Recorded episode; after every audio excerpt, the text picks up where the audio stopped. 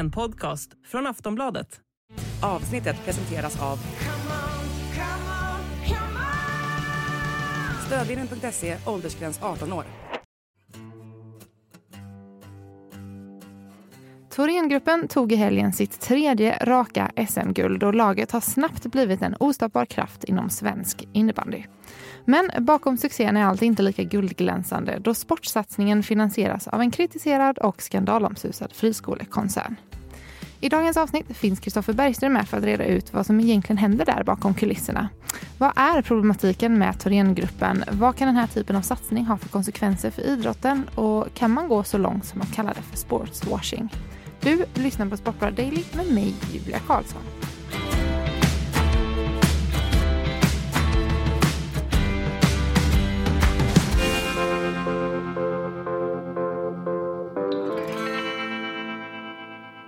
Kristoffer Bergström, Thorengruppen tog i helgen SM-guld för tredje året i rad. Du kan väl berätta lite om bakgrunden för Thorengruppen som lag? Jo, det är ju en förening med ett litet märkligt namn. Den bildades i Umeå 2005 och har både fotboll och innebandy. Men när de spelar fotboll så kallar de sig för Team TG istället. Och i innebandyn så har de så sakta klättrat och klättrat och klättrat, framförallt på damsidan. Och de verkade ett tag parkera där i divisionen i allsvenskan. Men så hände någonting märkligt 2020. Efter att Iksu vunnit SM-guld så gick de i konkurs och drog sig ur SSL och då fick Thorengruppen inte bara deras plats utan de tog också över typ hela stommen där, framförallt Emelie Wibron som är bäst i världen och systrarna Kauppi och med den här stommen har de så vunnit, som du sa, tre guld i rad. De har alltså aldrig spelat i högsta divisionen utan att vinna den. Det är ändå, det är ändå rätt unikt måste man ju säga. Ja, det har aldrig hänt något liknande förstås. Så, så de verkar vara väldigt, väldigt duktiga på innebandy. Om vi tittar på Thorengruppen och eh, idrottssatsningen där, vad är, det som, eh, vad är det som är problematiken bakom? Jo, men det är ju att framgången bygger ju inte riktigt på, på samma faktorer som andra klubbars. Alltså Thorengruppen behöver ju inte riktigt bry sig om att locka folk eller ragga sponsorer. Alltså de har faktiskt höjt publiksnitt med nästan 100 pers, upp till 500 nu den här säsongen. Men det beror en hel del på gratismatcher och jippon och sånt där. Men, men i grund och botten så finns alltså laget för att det finns en friskolekoncern som heter Thorengruppen. Och det är de som skjuter över pengar. Och det finns massor av pengar. Thorengruppen de omsätter 1,6 miljarder om året och går årligen med ett par hundra miljoner i vinst. Så på så vis kan de ta över en hel guldtrupp på ett sätt som ingen annan innebandy Sverige överhuvudtaget kan. Och, och det behöver inte vara problem med det. Alltså en rik sponsor, det låter ju toppen, det låter jättebra. Mm.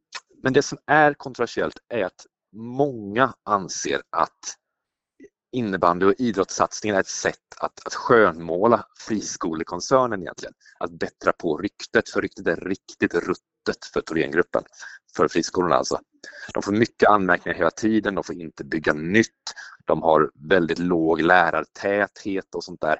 Så, så tanken, anser då många, är att när man hör Thorengruppen ska man inte tänka på skolorna lika mycket utan på de här framgångsrika damerna som bara vinner och vinner. Ryan Reynolds här från Mint Mobile. Med priset på nästan allt som går upp under inflationen, trodde vi att vi skulle bring våra priser down. So to help us, we brought in a reverse auctioneer, which is apparently a thing. Mint Mobile unlimited premium wireless. Ready to get 30, 30, bit to get 30, bit to get 20, 20, 20, bit to get 20, 20, bit to get 15, 15, 15, 15 just 15 bucks a month. So, Give it a try at mintmobile.com/switch. slash $45 up front for 3 months plus taxes and fees. Promo rate for new customers for limited time. Unlimited more than 40 gigabytes per month slows. Full terms at mintmobile.com.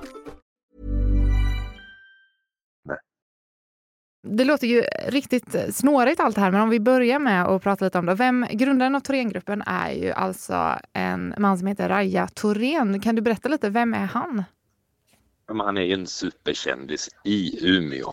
Alltså Raja Thorén, han, är, han börjar närma sig 50 tror jag och han kom alltså till Umeå från Uppsala som student. Eh, och han jobbade som lärare på komvux och så någonstans här i slutet av 90-talet så insåg han att jag kan starta en egen friskola och göra det bättre än vad andra skolor gör.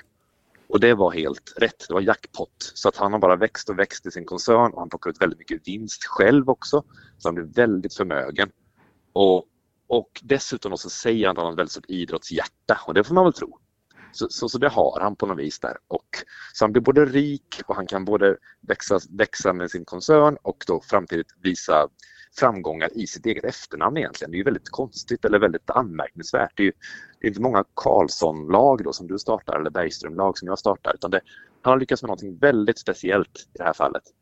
Och han har dessutom väldigt nära kopplingar till eh, den socialdemokratiskt styrda staden Umeå, sägs det. Sägs han är bekant med, med många där och sånt.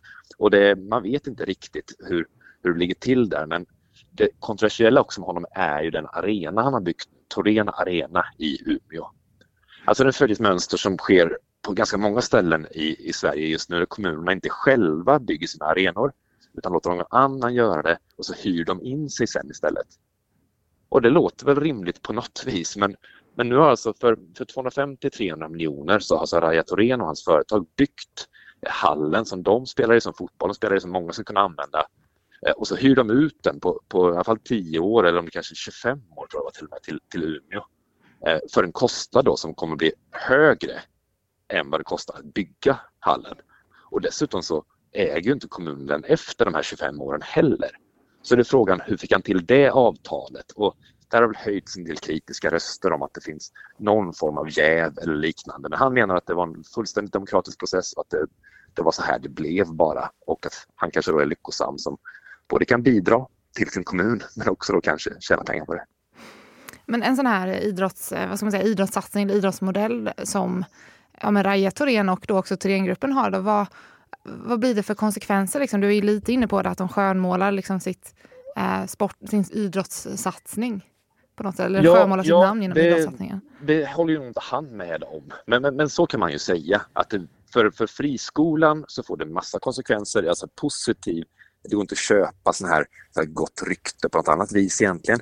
Utan det är väldigt skickligt på så vis att många unga som ja, kanske spelar innebandy eller fotboll ser upp till de som spelar i laget och förknippar då friskolan med laget och sådär. Eh, men om hon går åt andra hållet istället, vad gör det för idrotten? Ja, problemet är ju att de tar, både i närområdet och i hela Sverige och Finland, kan ta de bästa spelarna och koncentrera dem till en klubb. Och det är frågan om det är riktigt, liksom, det bryter lite mot hur det brukade vara när ett lag bara kan köpa alla spelare i princip, då vinner de ju hela tiden. Fast de inte har någon... Samtidigt måste man acklimatisera sig i en högsta serie. Det hör liksom till lite hur vi ser på elitidrott. Är du nykomling får du kämpa och vara lite cynisk och hoppas hänga kvar. Du får kanske sakta bygga dig uppåt. Så där. Nu kan man bara direkt hoppa upp i toppen där och, och bita sig fast egentligen. Nu var det en jämn final mot Pixbo senast och sådär. Men det är fortfarande någonstans, det blir lite sportsligt skevt kan det bli när ett lag så tydligt bara kan, kan plötsligt klättra jättehögt och bli jättehögt upp och bli de här mästarna med, med en gång. Sen är det ju underbart att titta på dem. Alltså rent, rent på planen om man bara har sportglasögon på sig. Alltså Vera Kauppi eh, som en av de två finska tvillingarna då, eh, gör ett underbart mål som i, i finalen och de lobbar över en back. Det är sånt där ni kan kolla upp sen. Och det förtas ju inte på något vis. Alltså skönheten i det på något vis det förändrar inte hur man ser på friskolan på någon, någonting. Men, men, frågan är om den lilla chippen över en back också får skolan att verka lite bättre. I så fall så har ju Raja Thorén verkligen lyckats. Mm. Mm. Hur, har, um, hur är reaktionerna eller åsikterna kring Raja Thorén och Thorengruppen både inom sportvärlden och inom skolvärlden? Ja, det hör på mig när jag säger så här, många anser att och så här är det. En del tycker så här. Jag säger så för att det är svårt att, att slå fast exakt. I innebandy-Sverige är det många som säger bara aktiebolaget om, om Thorengruppen. Det är ju lite mm. hånfullt sådär. Eh, det anses vara ett köpelag, ett plastlag och, och sånt där. Så, så är det. Eh, många avskyr dem. Så är det också.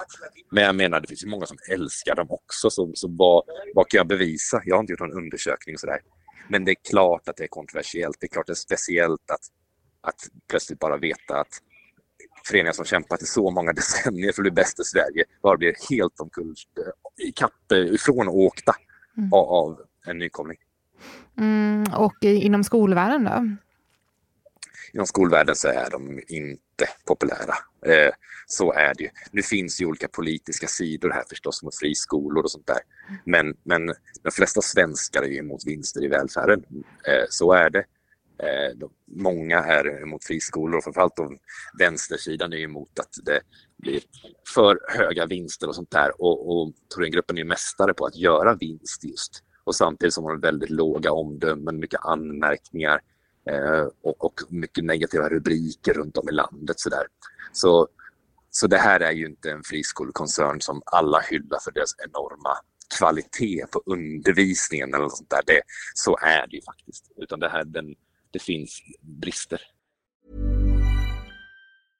Ryan Reynolds here from Mint Mobile. With the price of just about everything going up during inflation, we thought we'd bring our prices down. So to help us, we brought in a reverse auctioneer, which is apparently a thing.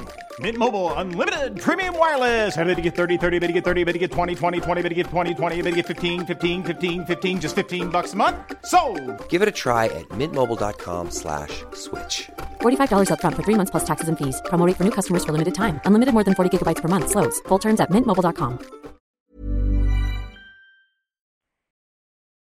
Men det låter ändå som att det finns någon slags problematik här, liksom, att pengar eh, tas från friskolor till idrottssatsning och så vidare. Vad finns det, alltså, finns det liksom någon lösning på det här?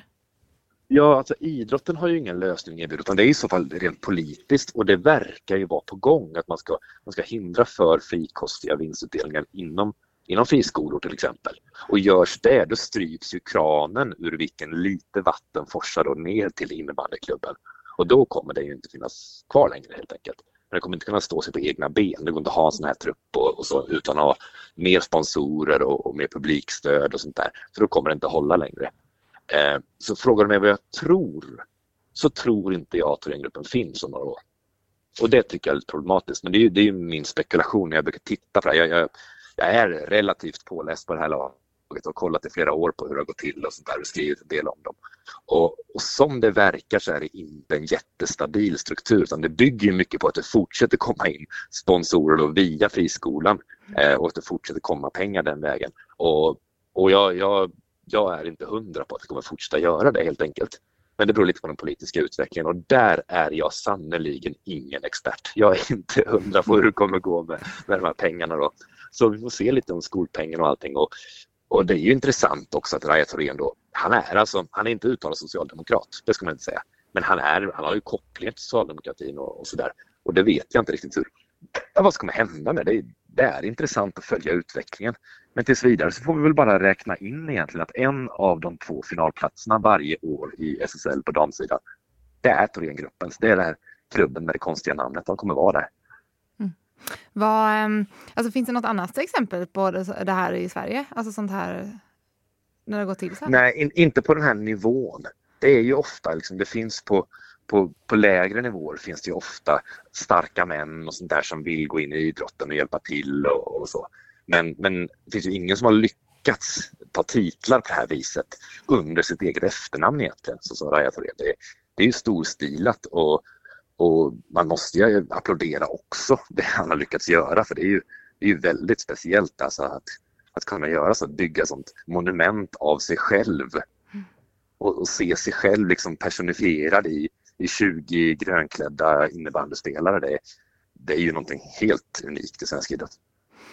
Mm. Alltså ett ord som jag tänker på när jag hör allt det här dock är ju, är ju sportswashing. Alltså skulle, skulle man kunna gå så långt som att kalla det det? Jag kan nog inte fullt ut säga det.